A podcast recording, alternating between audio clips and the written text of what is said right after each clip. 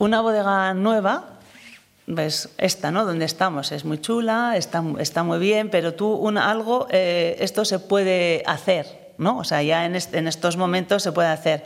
Una bodega antigua de las excavadas, de las excavadas bajo tierra, como es la que tenemos de mi abuelo, eso, eso hay que transmitirlo a los hijos y trasladarlo luego a ellos, ¿no? O sea, que ellos lo hereden. Y un viñedo antiguo, pues también hay que mantenerlo y luego que se pueda heredar. Para, es que son tus orígenes al final.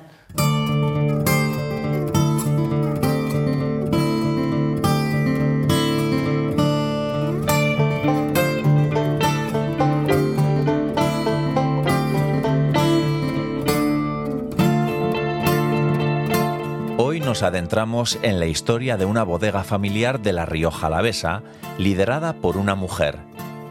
Ella le da nombre, Bodegas Loli Casado, y su proyecto lleva algo más de 20 años en marcha, aunque lo del vino, para entonces Loli ya lo llevaba en la sangre y sin dar positivo en ningún control de alcoholemia.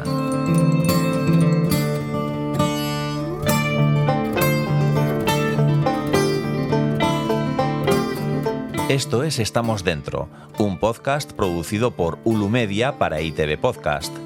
Un saludo de John Martija, que va a ser vuestro conductor responsable de ida y vuelta a la bodega. Hoy no voy a probar ni una gota, que estoy de servicio.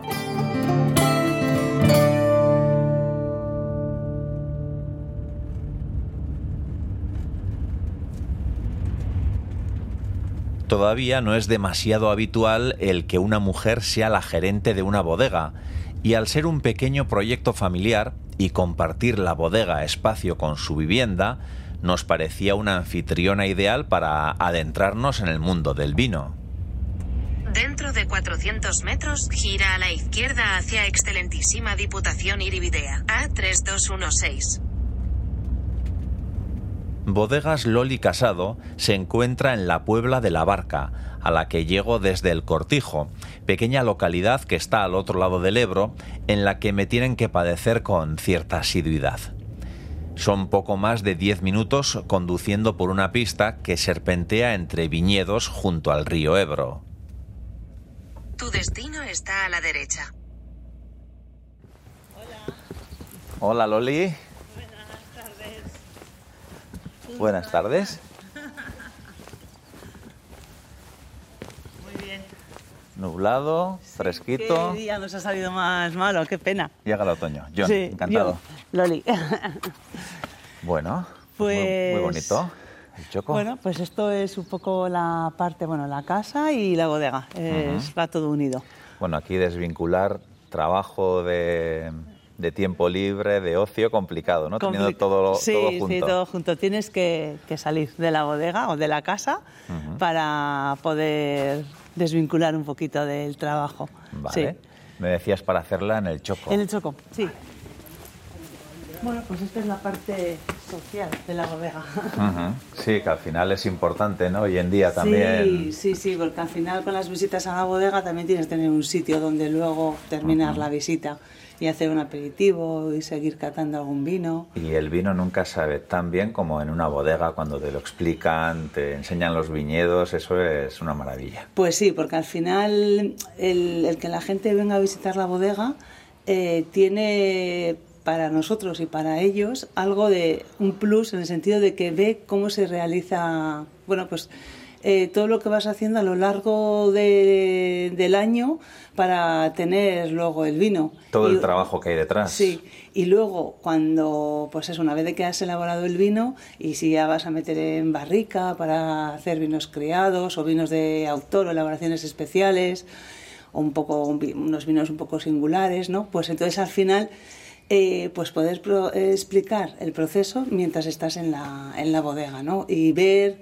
si tú metes el vino en barrica, qué sucede en la barrica, qué, qué hay que hacer durante el tiempo que está el vino en barrica, que no te tienes que olvidar de él, ¿no? Bueno, pues todo eso al final es algo que todos vamos a conocer y la gente la verdad que lo tiene como con mucho agrado, el que pueda ver todas esas situaciones. Y valoramos un poco mejor lo que estamos catando. Sí, pues mira, ese es un comentario que todo el mundo al final de la visita dice, jo, pues ahora cuando me tome una botella de vino le voy a dar algo. Hola Jesús. Va más importancia. John, encantado.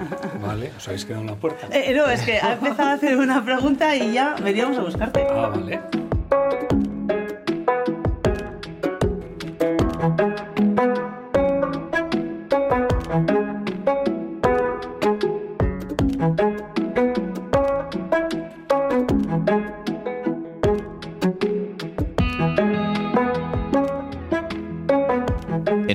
Principio, la idea era grabar la entrevista y posteriormente visitar los viñedos, pero con el cambio de hora invertimos el orden para que podamos ver con buena luz ese paraje espectacular, con todos los colores del otoño. Será Jesús Astorga, marido de Loli y enólogo de la bodega, quien nos lleve en su 4x4.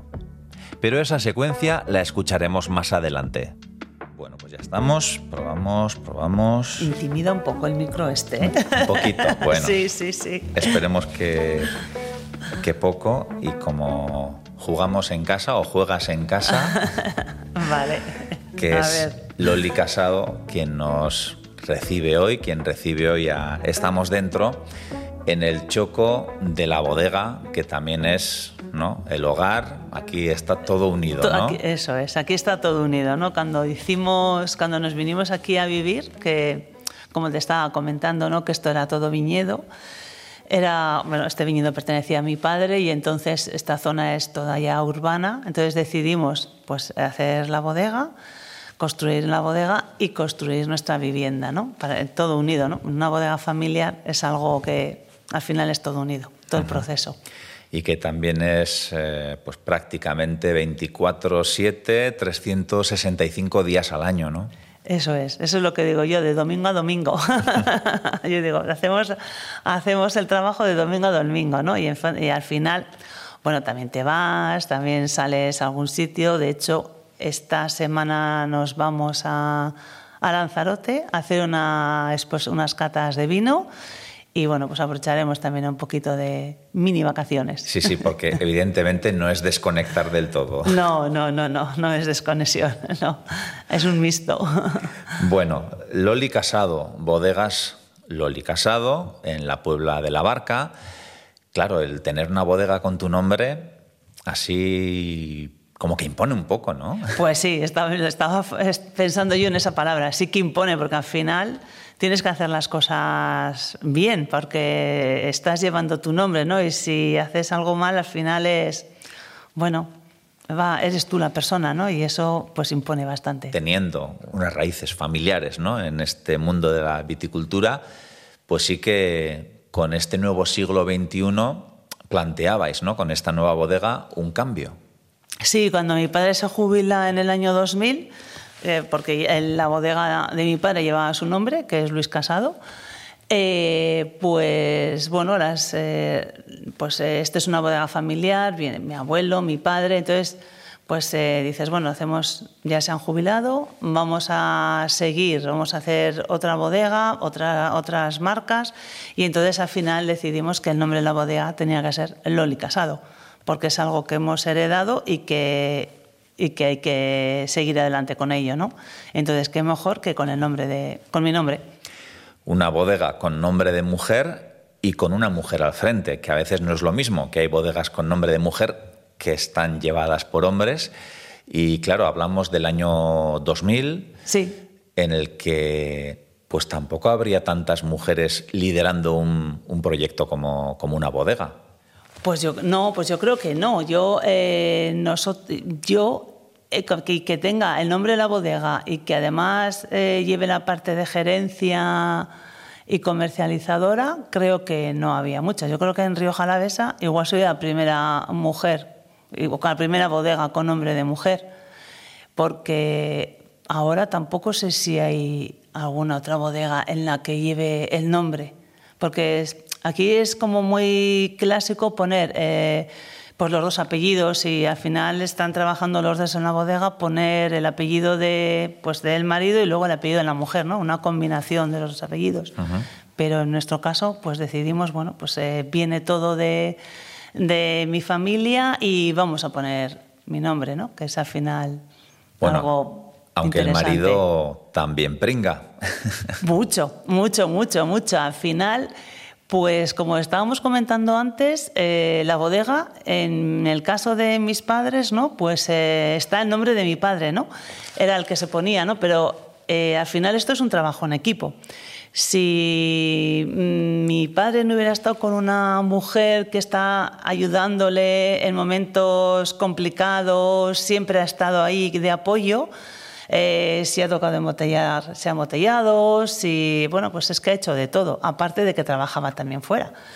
Eh, pues a mí me pasaba lo mismo. Nosotros empezamos, o sea, mi marido estuvo trabajando con mi padre desde que nos casamos, hace ya 33 años, y luego ya cuando se jubiló, pues al final hemos hecho un equipo. O sea, ahora yo soy la imagen de la bodega, y, pero por detrás también está él. Entonces, sin él tampoco podríamos seguir adelante, ¿no? O sea, es algo que hacemos juntos. Jesús, que es el enólogo de la bodega. Sí, es el enólogo de la bodega y el que lleva la parte de viñedo también. Yo llevo la parte de comercialización y gerencia.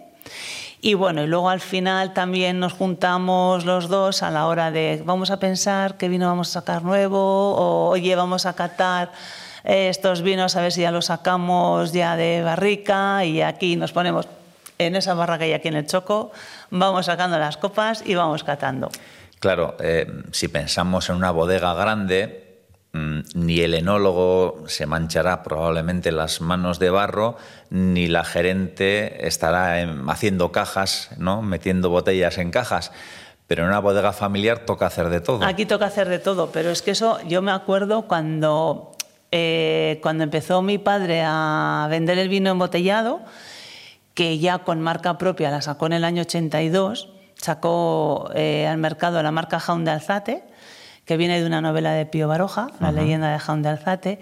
Entonces ahí, yo me acuerdo, ahí estábamos, bueno, no había una embotelladora como la que hay ahora, era todo muy manual y ahí hacíamos una cadena, yo me acuerdo que estaba o bien en la zona de meter las botellas para el llenado, y luego ya cuando pasamos a la siguiente fase, que había una embotelladora, a mí me tocaba poner las cápsulas. Ahora ya hay una maquinita que pon, echa la cápsula directamente en el gollete de la botella.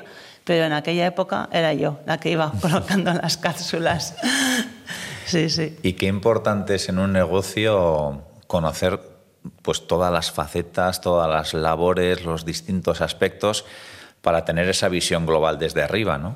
Sí, al final yo creo que eh, tienes que conocer la tierra, de donde viene la uva, ¿no? que no nos tenemos que olvidar del viñedo, eh, y luego, eh, pues lo que dices, eh, cómo funciona la embotelladora, cómo, ¿no? que, vamos a, que esta, esta uva, vamos a coger esta uva, que es que eso es lo que también te ayuda a, a seguir innovando y a hacer cosas nuevas en la, en la bodega o sacar un vino nuevo y que cada día, es que nosotros cada año eh, hemos ido sacando un vino nuevo con la, con la marca Polus, que es la que desarrollamos nosotros. Entonces, eso te, te pica, te, ahí te, te, hace que sigas pensando en hacer eh, algo nuevo y seguir pensando en, oye, pues el año que viene llega la elaboración y aquí lo que te gusta es, pues al final es como jugar con el vino, ¿no? Dices, oye, pues si este año pues teníamos mazuelo en un viñedo y siempre lo cogíamos con tempranillo y tal. Y hemos dicho, pues venga, vamos a hacer mazuelo, a ver qué, tal sale. Qué... Bueno, no, pues al final eso es muy bonito, porque al final es como jugar. Y eso pues te, te anima a seguir. La marca Jaun de Alzate sigue activa. Sí. Eh, no sé si es como, mm, digamos, la línea clásica, ¿no? Sí, y y Polus sería la más innovadora, en la que, claro, mm, pues como apuntas, ¿no? Puede haber combinaciones miles, ¿no? De cosas que se pueden hacer en, en esto del vino. Eso es, sí, la, exactamente. La marca Jaun de Alzate es, seguimos un poco la línea tradicional que marcaba mi padre. A ver, está más renovada, no es lo que tenía mi padre, pero hemos mantenido la misma etiqueta con, con algún cambio, pero esa etiqueta más clásica, de escudos, como se hacían antes, en esa época. Y con la marca Polus, pues ahí lo que hemos intentado hacer es algo diferente. Vinos monovarietales, vinos singulares y que, que te ayudan también luego en la comercialización de la otra marca. O sea, que al final también te apoyan a la otra marca, ¿eh? va todo un poco unido. Y este año, por fin, hemos decidido sacar al mercado, y esto es noticia que sale en breve, Exclusiva, exclusiva. Eh, pues unos vinos especiales de parcela que, que de los viñedos más antiguos que vienen de mi abuelo eh, con la marca Loli Casado. Ahí va. Sí. O sea que nueva marca Nueva marca y con el nombre de la bodega. Y de unas vides que entiendo mm, tienen más años que tú. Eh, sí. Sí, Qué sí, cosa, sí. ¿no? Sí, sí. Y, y ahí siguen Y ahí, produciendo. y ahí siguen produciendo. Menos cantidad, pero ahí siguen luchando, ¿eh? Y con unas campeonas. Sí, sí. Y este año que ha sido pues tan seco, pues las, pues las uvas están estupendísimas. que eso también a mí, que vengo mucho ¿no? por, por La Rioja, el, el sentir la tierra, el tocarla, el- esos viñedos, como decías, que los ha plantado tu abuelo. Sí, ¿no? sí, sí, sí. Ese vínculo es algo muy especial. Muy especial. Es que, eh, como, a ver, eh, yo creo que hay cosas, una bodega nueva, ves, esta, ¿no? Donde estamos, es muy chula, está, está muy bien, pero tú, algo, eh, esto se puede hacer, ¿no? O sea, ya en, est- en estos momentos se puede hacer. Una bodega antigua de las excavadas, de las excavadas bajo tierra, como es la que tenemos de mi abuelo, eso, eso hay que tras- transmitirlo a los hijos y trasladarlo luego a ellos, ¿no? O sea, que ellos lo hereden. Y un viñedo antiguo, pues también hay que mantenerlo y luego que se pueda heredar. Para, es que son tus orígenes al final. Sí, porque habrá gente que desde otra perspectiva o sin vínculo sentimental con esos viñedos, y seguramente pasa, eh, arranca esas vides y pone otras que van a producir más. Que al final desde una perspectiva económica Sí. y de productividad dice, no, no, a mí estas vides eh, no, me, no me rentan, como dicen los chavales Sí. ahora, Sí. pongo otras que, que me den más kilos de uva. Y claro, tú eso me imagino que mm, ni se te pasa por la cabeza. No, no, no, no, para nosotros no. Para nosotros es que de hecho hemos mantenido hasta las tapias, en una, en la- pues eso, en el viñedo más antiguo hemos mantenido las tapias que hay alrededor que te hacen de separación con el vecino, que ahí vas a tener pues arbustos y bueno, pues un montón de, de arbolado. Eh, luego hemos mantenido la entrada que tenía mi abuelo, que también hacía, era una entrada de piedra. Eh, bueno, pues eso, y seguimos reconstruyendo cosas. O sea, cosas que, que, pues claro, al final mi padre fue comprando alrededor de esos viñedos y bueno, pues sigues manteniendo y te encuentras olivos en la mitad, entremezclados entre las viñas y el, y el viñedo y, y el olivo, ¿sabes? Entonces eso yo creo que es algo que hay que mantener y que pase, pase a los otros. De eso hablaremos también, ¿eh? del relevo Vale. generacional, porque tú asumiste esa responsabilidad. De hecho, creo que eras enfermera, o sea, tenías tu trabajo. Sí, sí, sí.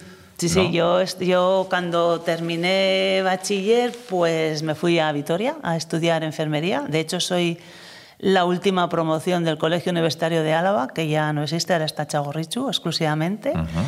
Y he trabajado 17 años eh, en Logroño, en el hospital de Logroño. ¿Como enfermera? Como enfermera, sí, sí. Y llega un momento en el que o asumes tú ¿no? el, el seguir adelante con el negocio familiar o no sé si había otra alternativa. Eh, ¿Te sientes un poco obligada a, a afrontar ese reto? Eh, no, no, para nada. Yo mi- cuando mm, tenía 16 años mi- llevaba ya la parte administrativa, pues eh, la llevaba yo. Y mientras estaba trabajando en, en el hospital, trabajaba también aquí, en la parte administrativa. Eh, luego llegó un momento en el que ya tienes que, bueno, pues ya pues, tenemos dos hijos, eh, nació el, el pequeño y ya ahí estuve, pues, estuve trabajando de noches fijas y ya ahí estaba como más introducida, ya, ya veía, ¿no? Ya veía que iba a ir un poco más enfocándome al mundo del vino, ¿no? De hecho, en, el, pues en los últimos años, antes de, de, de irme, o sea, porque yo estoy en excedencia, Ah, Estoy en excedencia porque aprobé las oposiciones y estoy en, en excedencia. Eh, y entonces ya vi que me tenía que meter en el mundo del vino. Empezamos en un consorcio de exportación, nos lanzamos al tema de la exportación y ahí es cuando te das cuenta que, que tienes que saber más del mundo del vino, que no tiene que ser solo lo de que has visto, o sea, ¿no? que has visto a tu padre trabajar, sino que también tienes que, que estudiar, ¿no? Y bueno, pues hice un máster de enología porque luego tú vas a vender y tienes que saber un poco lo que estás vendiendo, ¿no? Y bueno, pues no lo, no lo siento como una carga, sino que es algo que ha ido viniendo y que, y que estoy súper contenta con ello. Decíamos, en ese año 2000, ¿no? cuando ya arrancáis con, con la bodega propia, en un mundo hasta entonces, sí, con presencia femenina, pero en un segundo plano. Sí. Eh, no sé si tuviste que, que aguantar comentarios, bromas, la Ángela Channing de, de La Rioja Alavesa. Tu nacimiento fue un infortunado accidente, el resultado de la debilidad de Douglas Channing. Tú no perteneces a Falcon Crest, ni tampoco a esta familia. No, no, no, no, la verdad que no, ¿eh? Y eso que estuve en un montón de foros y que, bueno, me tocó estar también en el consejo durante dos años, pero no, no. O sea, en mi caso no, no tuve ninguna historia de esas. Ujú. Bueno, pues... Sí, eh, no, no, vamos, contenta, vamos. Yo creo que estaba, no sé, estaba admitido, ¿no? ¿Y tú sentías que por ser mujer tenías que demostrar algo más o, o- o lo, lo llevaste con naturalidad? Lo llevé con naturalidad. O sea, no. Yo me acuerdo que después de cuando estuve durante cuatro años en Abra, dos de dos de, eh, de vocal y otros dos de presidenta y no, con naturalidad, sin ningún problema.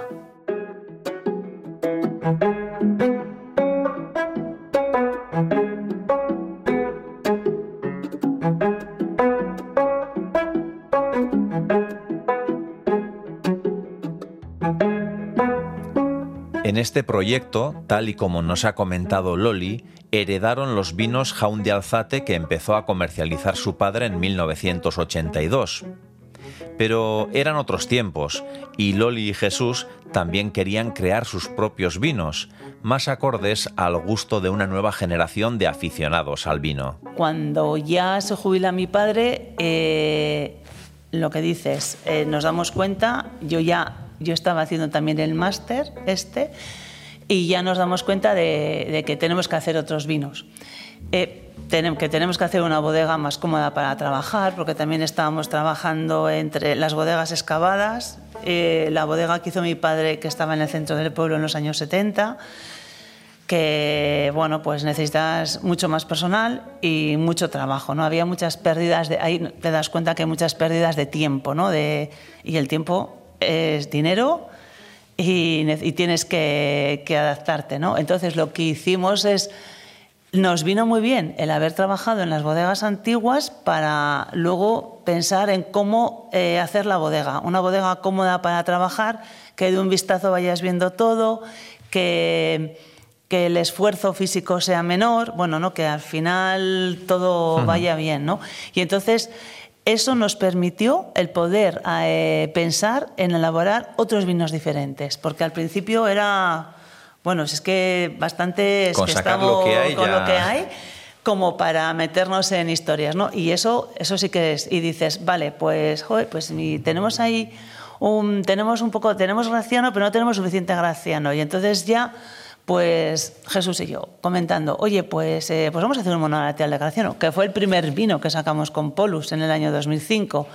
Pues venga, pues sí, hacemos un monovarietal de graciano. Y ahí pues tuvimos que hacer injerto aéreo. O sea, tuvimos que dices, bueno, no tenemos suficiente graciano para hacer un monovarietal, ¿qué hacemos? Y entonces decidimos hacer injerto aéreo a unas vides que teníamos de blanco eh, que se habían plantado en los años 70 y así mantienes lo que es la raíz de la cepa de, de- de una vid de 45 años y ya tienes una uva mucho más, más madura ¿no? Eh, de- en edad.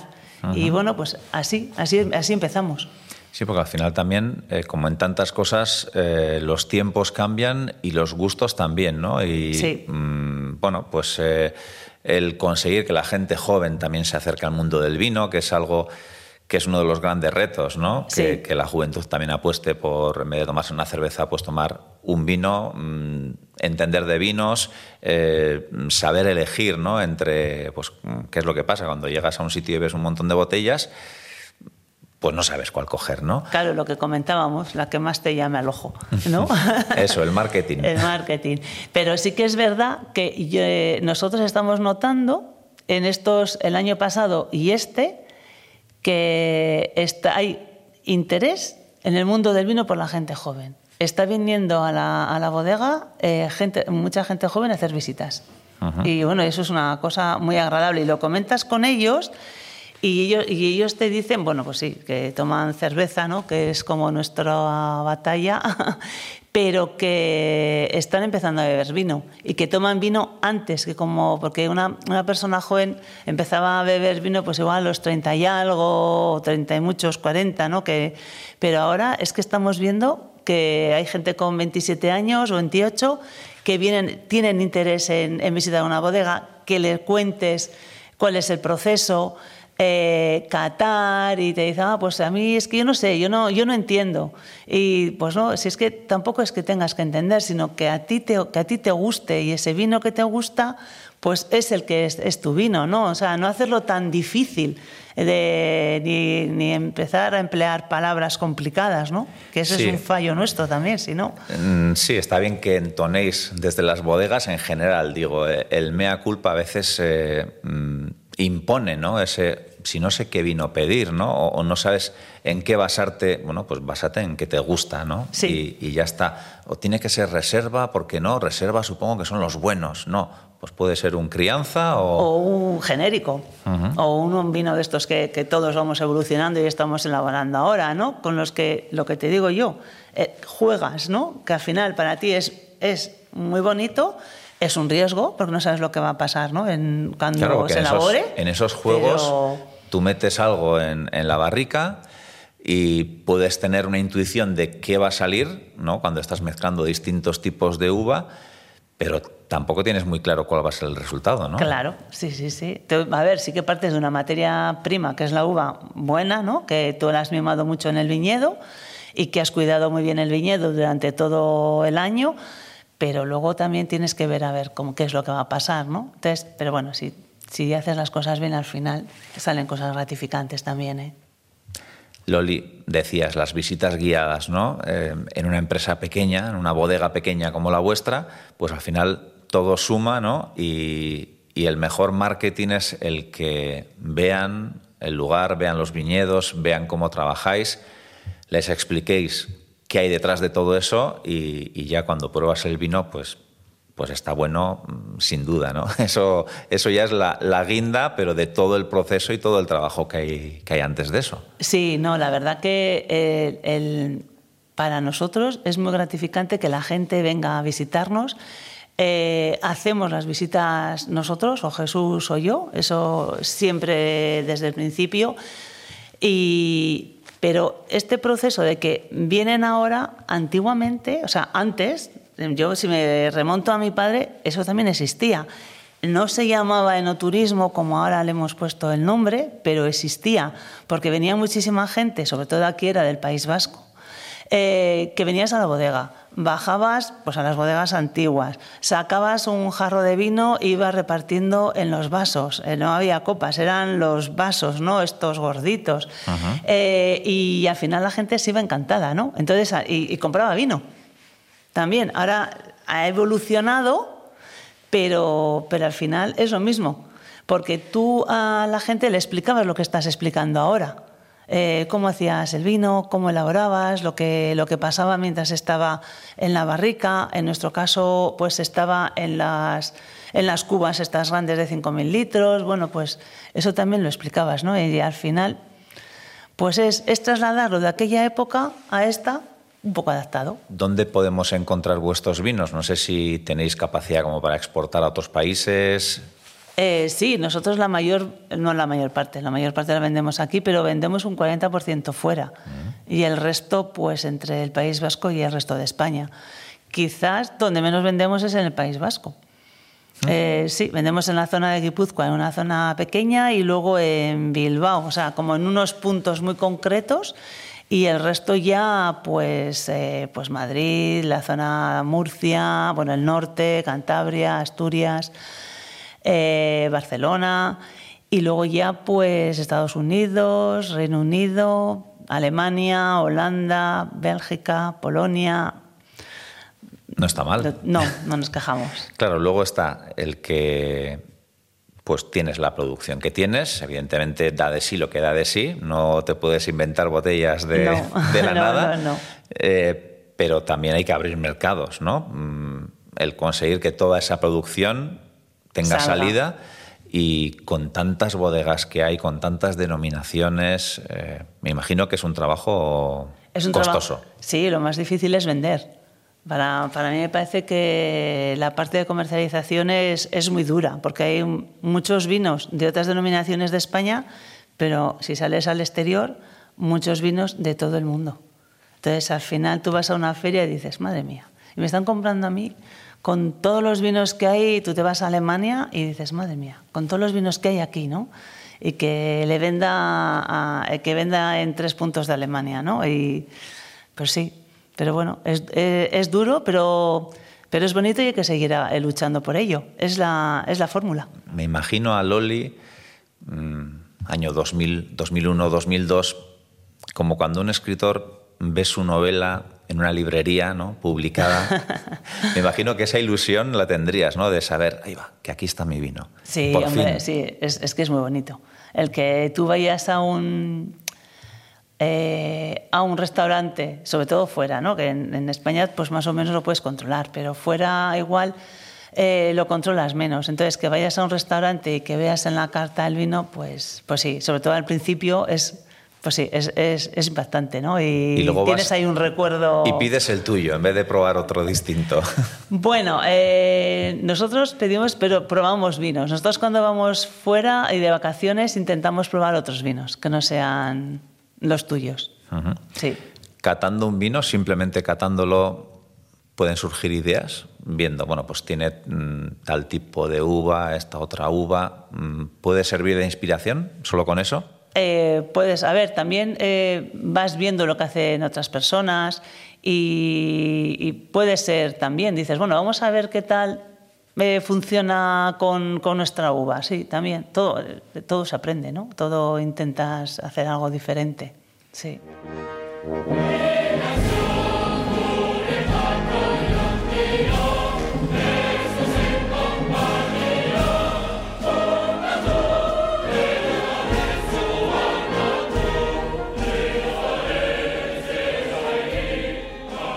Después de que Loli haya compartido con nosotros casi todos los secretos de sus vinos, llega el momento de visitar sus viñedos, acompañados por Jesús. Visitamos la joya de la corona de esos terrenos, porque junto a estos viñedos se encuentra su chozo. Por cierto, a su vera pasa el camino ignaciano, el camino de peregrinaje que recrea la ruta que Ignacio de Loyola recorrió en 1522 desde Loyola hasta la ciudad de Manresa. De, Singapur, que estaban haciendo el camino ignaciano. Y bueno, pues a través de una empresa de San Sebastián pararon en la bodega y hicimos la visita y luego ya continuaron para Navarrete. Así que te que sí, sí, cada vez pues todo suma, ¿no? Todo suma. Sí, sí, sí, todo suma. Ah, mira, esta es tu, foto de perfil de WhatsApp. Sí, exacto. Ya las encontré. Bueno, esta vista me parece una zona como muy especial. Guau. Por eso queríamos que vinieras aquí. Y allí tienes el cortijo. Sí. Ese pueblecito que se ve ahí es el cortijo. Es que nada más que veas esta vista de los viñedos, ¿no? Que ves aquí... Sí, todas estas terrazas que hay. Exactamente, las terrazas, que es una, es una perspectiva súper chula. Sí, sí, sí, sí. Pues aquí tenemos uno de los viñedos que, que de la época en los que plantó el padre de Loli. En el año 78. Ahí está la placa que lo identifica y lo data.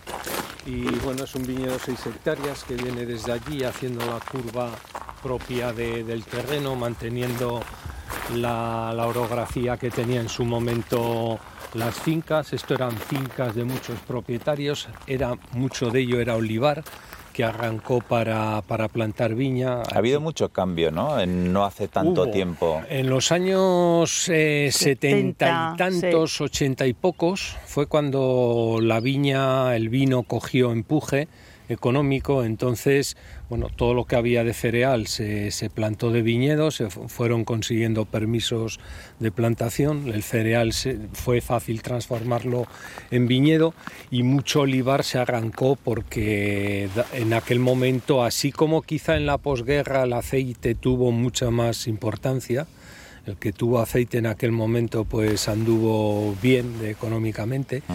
Eh, ya en los setenta y tantos, ochenta y pocos, el, el viñedo tuvo más importancia. Entonces esto era olivar. eh, se arrancó todo, bueno, aquella ladera quedó, aquellos olivos de ahí, esos Esa olivos que hay abajo también, los que han quedado en, justo en el terrero, que, que, bueno, hacen bien porque te están sujetando la tierra también y, y son parte de los olivos de los que recogemos la aceituna y posteriormente llevamos a, a moldurar y nos lo transforman en, en aceite. Y este es el chozo, entiendo. chozo. Eso es, sí, sí. Es Por eso queríamos traerte un poco a esto, porque tenemos un cariño especial a este, a este sitio. El a- chozo que ve- vendría a ser eh, un lo que- guardaviñas, lo que en otras partes, bueno, es que es chozo los- o guardaviñas. Sí, aquí se llaman de las dos formas. Sí. Son construcciones de, de finales del siglo XIX, principios del XX, cuando venían, venían a trabajar a la viña todo el día.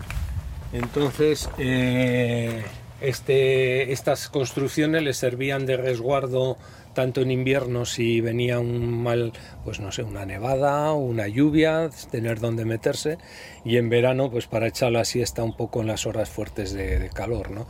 Este concretamente, bueno, esta es la cimentación, se ve que cuando escarbaron para, para hacer la viña, eh, debilitaron debajo, se hundió lo que ves que no tiene hormigón, se quedó solamente la parte de ahí, era cerrado y bueno, pues una, en una ocasión empecé a hacer unas escaleras para subir de arriba abajo y al final terminé pues con, con lo que se Con ve. lo que ¿no? se ve Te liaste la manta a la Sí. cabeza Sí, y... sí, sí, sí, y bueno, y y- dije, pues en lugar de cerrarlo, queda abierto. Con las vistas que tiene de hacia- frente. eso es, de Ya frente, el ¿no? techo, pues bueno, eh, Está un busqué poco- con vigas para, para hacerlo así y no hacerlo cerrado.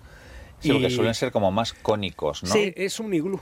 Es Sí. como si fuera un y iglú. esto es piedra sobre piedra, no hay ninguna sujeción más que el apoyo de esta sobre esta, esta sobre esta, calzar con, con piedras y al final es una cúpula eh, cerrada sin ninguna sujeción de ninguna argamasa ni nada. Una aberturita arriba para que saliera el humo cuando hacían lumbre dentro y la puerta, la puerta siempre al sur. Los chozos siempre, siempre tienen la puerta al sur, o sea que si un día te pierdes con niebla, sabes dónde está el sur. y pequeñita para meterse agachados y que entrara un poco aire. Y bueno, eh, paredes gruesas para sujetar y tal. Entonces este es uno de los puntos que, que tenemos, pues que, que nos Esto en gusta. las visitas también lo Este está- enseñáis. Sí, este está en las incluso visitas, con sí. clientes, con Sí. distribuidores, en fin, aquí Sí, este venimos es- muchas veces a como parte de la atención Eso es- y la gente se va encantada. Loli, ¿cerráis negocios aquí? Sí. Sí, ayuda también, Ayuda, sí, ayuda. sí, sí, sí, sí, a sí, la sí. gente le gusta ver eh, la el naturaleza viñedo. y el viñedo. el- Tenemos, eh, bueno, de aquí estoy viendo otra viña, la viña Sí. más vieja, la viña que viene el abuelo, que ya también es eh, muy bonita para pasear entre las cepas, todas salteadas, cada una de una variedad, eh, una, eh, una forma más anacrónica de, de plantación, más de esto. Aquí está ya más uniforme.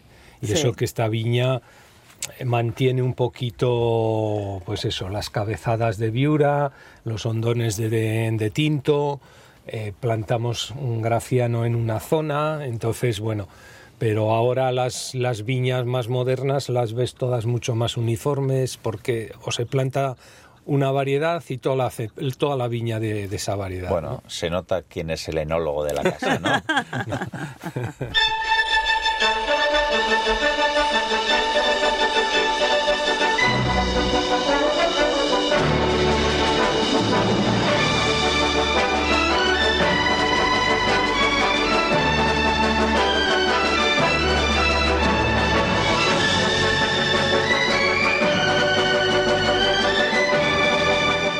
La familia Astorga Casado tiene otras inquietudes que van más allá del vino. También producen su propio aceite, todos los años montan un Belén muy vistoso y en plena pandemia desarrollaron un juego de mesa a través del cual conocer mejor el día a día de su bodega. Nosotros tenemos olivos eh, muy viejos que vienen de mi abuelo, otros plantó mi padre y nosotros luego hace 12 o 14 años, no sé, que el tiempo se pasa tan rápido que te descontrola, eh, plantamos 150 olivos más en un terrenito que, que teníamos sin, sin viñedo, ¿no?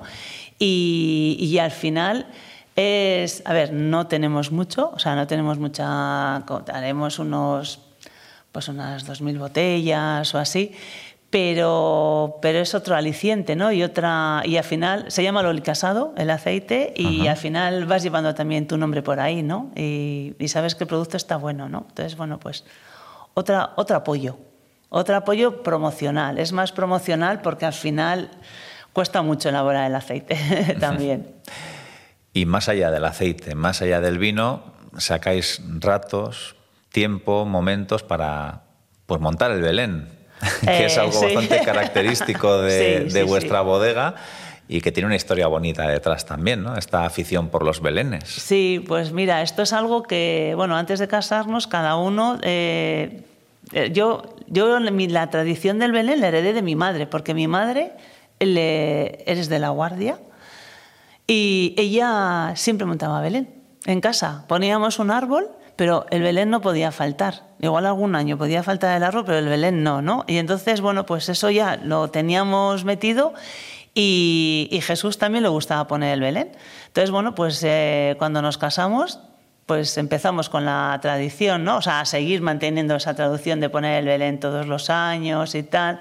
Primero lo poníamos en el suelo del comedor y ahora ya, a ver, ahora es un Belén que, bueno, que tiene su historia, que intentas hacer llegar, ya lo ponemos en la bodega, eh, intentamos transmitir eh, las vivencias de nuestros antepasados, está tematizado con, pues, con lo que somos nosotros, el mundo del vino, del cereal, del olivo, porque mi abuelo en su época también tenía cereal, y con la Puebla también, porque en el Belén recreamos escenas, o sea, eh, por ejemplo, el portal de Belén es eh, eh, una bodega antigua, la o sea, se asemeja a la bodega, hemos reconstruido la bodega antigua que viene de mi abuelo. Eh, hemos mantenido también pues, eh, los toneleros, ¿no? Cómo hacen, plasmamos en el Belén cómo se hace una barrica o como o un lagar rupestre que existía antes, ¿no? O sea, intentar traer esas tradiciones o, o, el, ah, o cogiendo el- el- la, la recogida de la aceituna a ordeño, que todavía se sigue manteniendo en los olivos que están en bancales, que son más de difícil acceso, o bueno, y cómo no, tematizado con la Puebla, pues el puente colgante que había en la Puebla, el primer puente que había y la barcaza que había al principio en la Puebla para poder pasar el río Ebro y pasar mercancías del reino de Navarra al reino de Castilla, que, que era ya Logroño, ¿no? Entonces, bueno, pues al final es un Belén, yo le digo que es un Belén etnográfico, ¿no? Porque al final, e histórico, porque intentas eh, traer esa, la historia. ¿Y cuándo lo podremos visitar ya? ¿Cuándo montáis el Belén? El, pues ya lo tenemos establecido del, del 6 de, de diciembre al 6 de enero. Ya es todo, todo un mes. Este año igual lo ponemos antes porque el 6 cae martes, igual lo ponemos el fin de semana de- del 3. Estamos ahí, a ver si llegamos. Eso, aprovechando el puente de diciembre. Eso es, siempre, sí, sí. Y seguro que es una excusa también para que más gente venga Para a que visitar. venga a visitar la bodega, sí. Bueno, el Belén es una cosa bastante tradicional, pero también he leído por ahí algo de un juego de cartas Ah. que sacasteis eh, Sí. bastante, bastante novedoso en este mundo. Pues aquí nos apoyamos de, de nuestro hijo mayor, de Asier. Pues esto fue en el momento de la pandemia, en, pues en julio o en junio, pues bueno, pues lo que queríamos era eh, transmitir eh, lo que el trabajo del viñedo. Ahí, o sea, aquí tú, tú estás en, la, en una visita a la bodega y ves el trabajo que lleva la bodega, ¿no? Pues con el juego de cartas era el trabajo que hay en el viñedo, los factores que pueden influir durante todo el año en el viñedo, ¿no? Mientras está creciendo la yemita o que te viene una helada. Entonces, bueno, pues todos los factores positivos y negativos que, va a soportar el viñedo. Entonces, bueno, pues ahí nos apoyamos en Asier, eh, le presentamos la idea y él desarrolló el juego. Tanto la parte de, eh, de, diseño, imágenes eh, y bueno, y traducido al inglés. Mm, una edición limitada, creo que fue, ¿no? Una edición limitada, sí. ¿Queda alguno por ahí? O... Sí, todavía queda uno, pero muy poquito. Bueno, y con intención de que pueda haber una, una segunda, edición. Sí, sí, sí, sí. Vale, vale.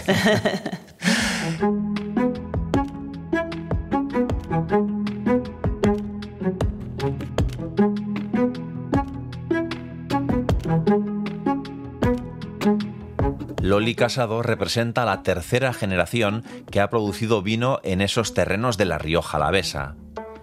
En muchos sectores hay negocios que están desapareciendo por falta de relevo generacional, pero parece que ese no va a ser el caso de las bodegas Loli Casado. Pero bueno, nosotros pensamos que habrá relevo. Sí.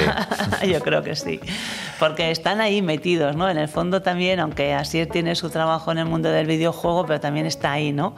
Y luego el, pequeño, pues Iker, sí que, bueno, pues está estudiando marketing y comercialización. Entonces, bueno, pues primero es interesante también que estén en, otro mundo, que vean un poco, que al final es lo que he hecho yo. Eh, yo he estado fuera eh, de la bodega, he estado trabajando en un hospital, pero luego al final eso también te abre un poquito la mente. Estás en contacto con más gente, ¿no? Y, otras ideas, ¿no? Y entonces, bueno, pues que primero estén en, un, en otro sitio y luego que vengan, si ellos quieren. Eso.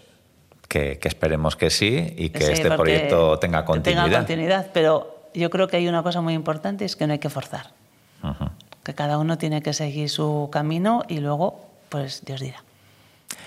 Bueno, hay un camino por ahí también, este es más, más escabroso, que es el tema de la denominación de origen, ¿no? Viñedos de Álava, esa nueva denominación de origen protegida, eh, la denominación de origen Rioja, bueno, ese, ese enfrentamiento abierto que hay, que no podemos poner paños calientes, y un, un conflicto que cómo podemos explicárselo ¿no? a la gente que, que lo ve desde fuera, que no entiende muy bien qué es lo que, qué es lo que está pasando, cómo lo estáis viviendo vosotros desde dentro. A ver, nosotros, eh, yo creo que nuestros, si echamos para atrás, nuestros padres, o sea, yo veo, eh, yo miro y todas las etiquetas que, que tenía, que tiene mi padre, eh, siempre ha salido con Rioja Alavesa. O sea, siempre hemos sido Rioja Alavesa, siempre ha sido la subzona que, que ahora se llama zona, que es la con la que hemos tirado para adelante y que marca una diferencia entre dentro de, la misma o Rioja, ¿no? Eh, ahora, viñedos de Álava, pues será una cosa a tener en cuenta en un futuro y a ver que aquí cada bodega tendremos que decidir qué es lo que vamos a hacer en función de lo que vendes. Mm, hay que ver cómo funciona antes de, tomar una decisión. Pero parece que es complicado el que, bueno, pues eh, no se dejen pelos en la gatera, ¿no? utilizando esa expresión en, una confrontación bastante abierta como se está dando con esta cuestión, en la que entra también la política y, a veces, bueno, pues eh, cada cual defiende lo suyo, pero, pero también hay que entender que a mí, amigos del otro lado del Ebro me lo dicen, ¿no?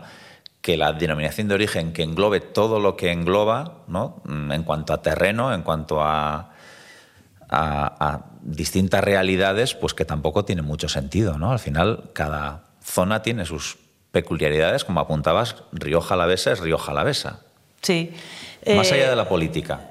Sí, sí, no, a ver, y los terrenos, la orientación, el, sol, eh, pero al final nosotros somos empresas y tenemos que, pensar eh, un poco eh, como empresas. tenemos que ver qué es lo que nos aporta una cosa y otra. Eh, al final, eh, en Rioja Alavesa hay muchos tipos de, bodegas, porque si tú abres el abanico, eh, hay bodegas familiares, hay bodegas grandes, y hay, muchos, eh, hay muchas bodegas pequeñitas también que están haciendo sus cosas. Eh, es que es muy amplio. O sea, dentro de Rioja Alavesa hay mucha diversificación, hay, hay mucho movimiento. O sea, cada vez hay más... Eh, más no, no, es que sea crianza o reserva, sino pues vinos genéricos, vinos especiales, elaboraciones especiales. Mm, dentro de cada, de cada zona hay mucho movimiento en estos momentos. Bueno, pues veremos cómo acaba esto, pero intuyo que, va a ser un proceso largo también, ¿no? En cuanto a definir quién es qué y, qué supone, ¿no? El estar dentro de uno o dentro de otro. Pues iremos viendo cómo va pasando. Yo creo que es algo que tenemos que esperar, es algo muy nuevo. Loli Casado, gracias por acogernos aquí en, vuestra bodega. Está Jesús detrás, atento, que se ha incorporado a la, a la conversación. Eh, no hemos dicho nada. No, bien, ¿no? Nos da, nos da, el visto bueno. Que no hace falta, ¿eh? porque la jefa es ella. Bueno, Loli, Jesús, gracias por dejarnos entrar, ¿no? Que estamos dentro, conociera este proyecto familiar que nos gusta tanto, ¿no? El que pues una familia tire para adelante pues con algo tan suyo como, como esas tierras, como esas vides, como esa forma de, de entender el vino y nada, que os deseamos la mejor de las suertes. Muchas gracias, John, a ti por haber contado con nosotros.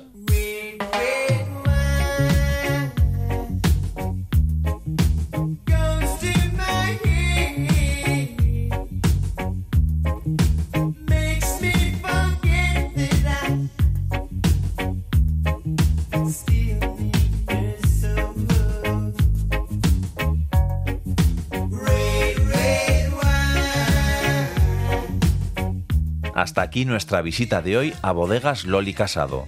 Lo prometido es deuda y os llevo de vuelta sin haber probado ni una gota de vino.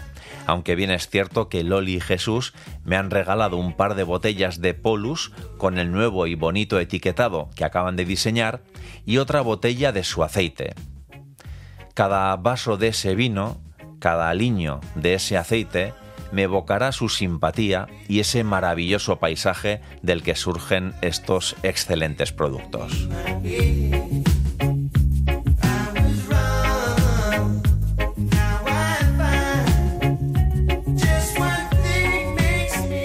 Si os ha gustado esta visita, os animamos a que os suscribáis a Estamos Dentro en vuestra plataforma de audio favorita.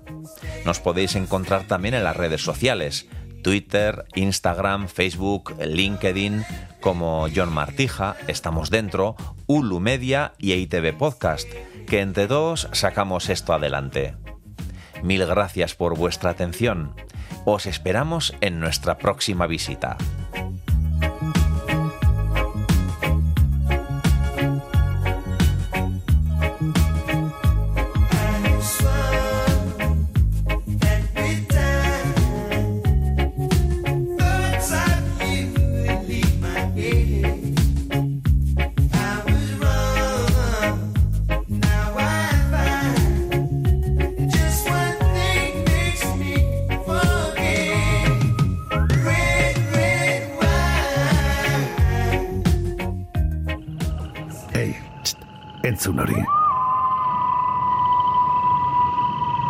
Ulu Media.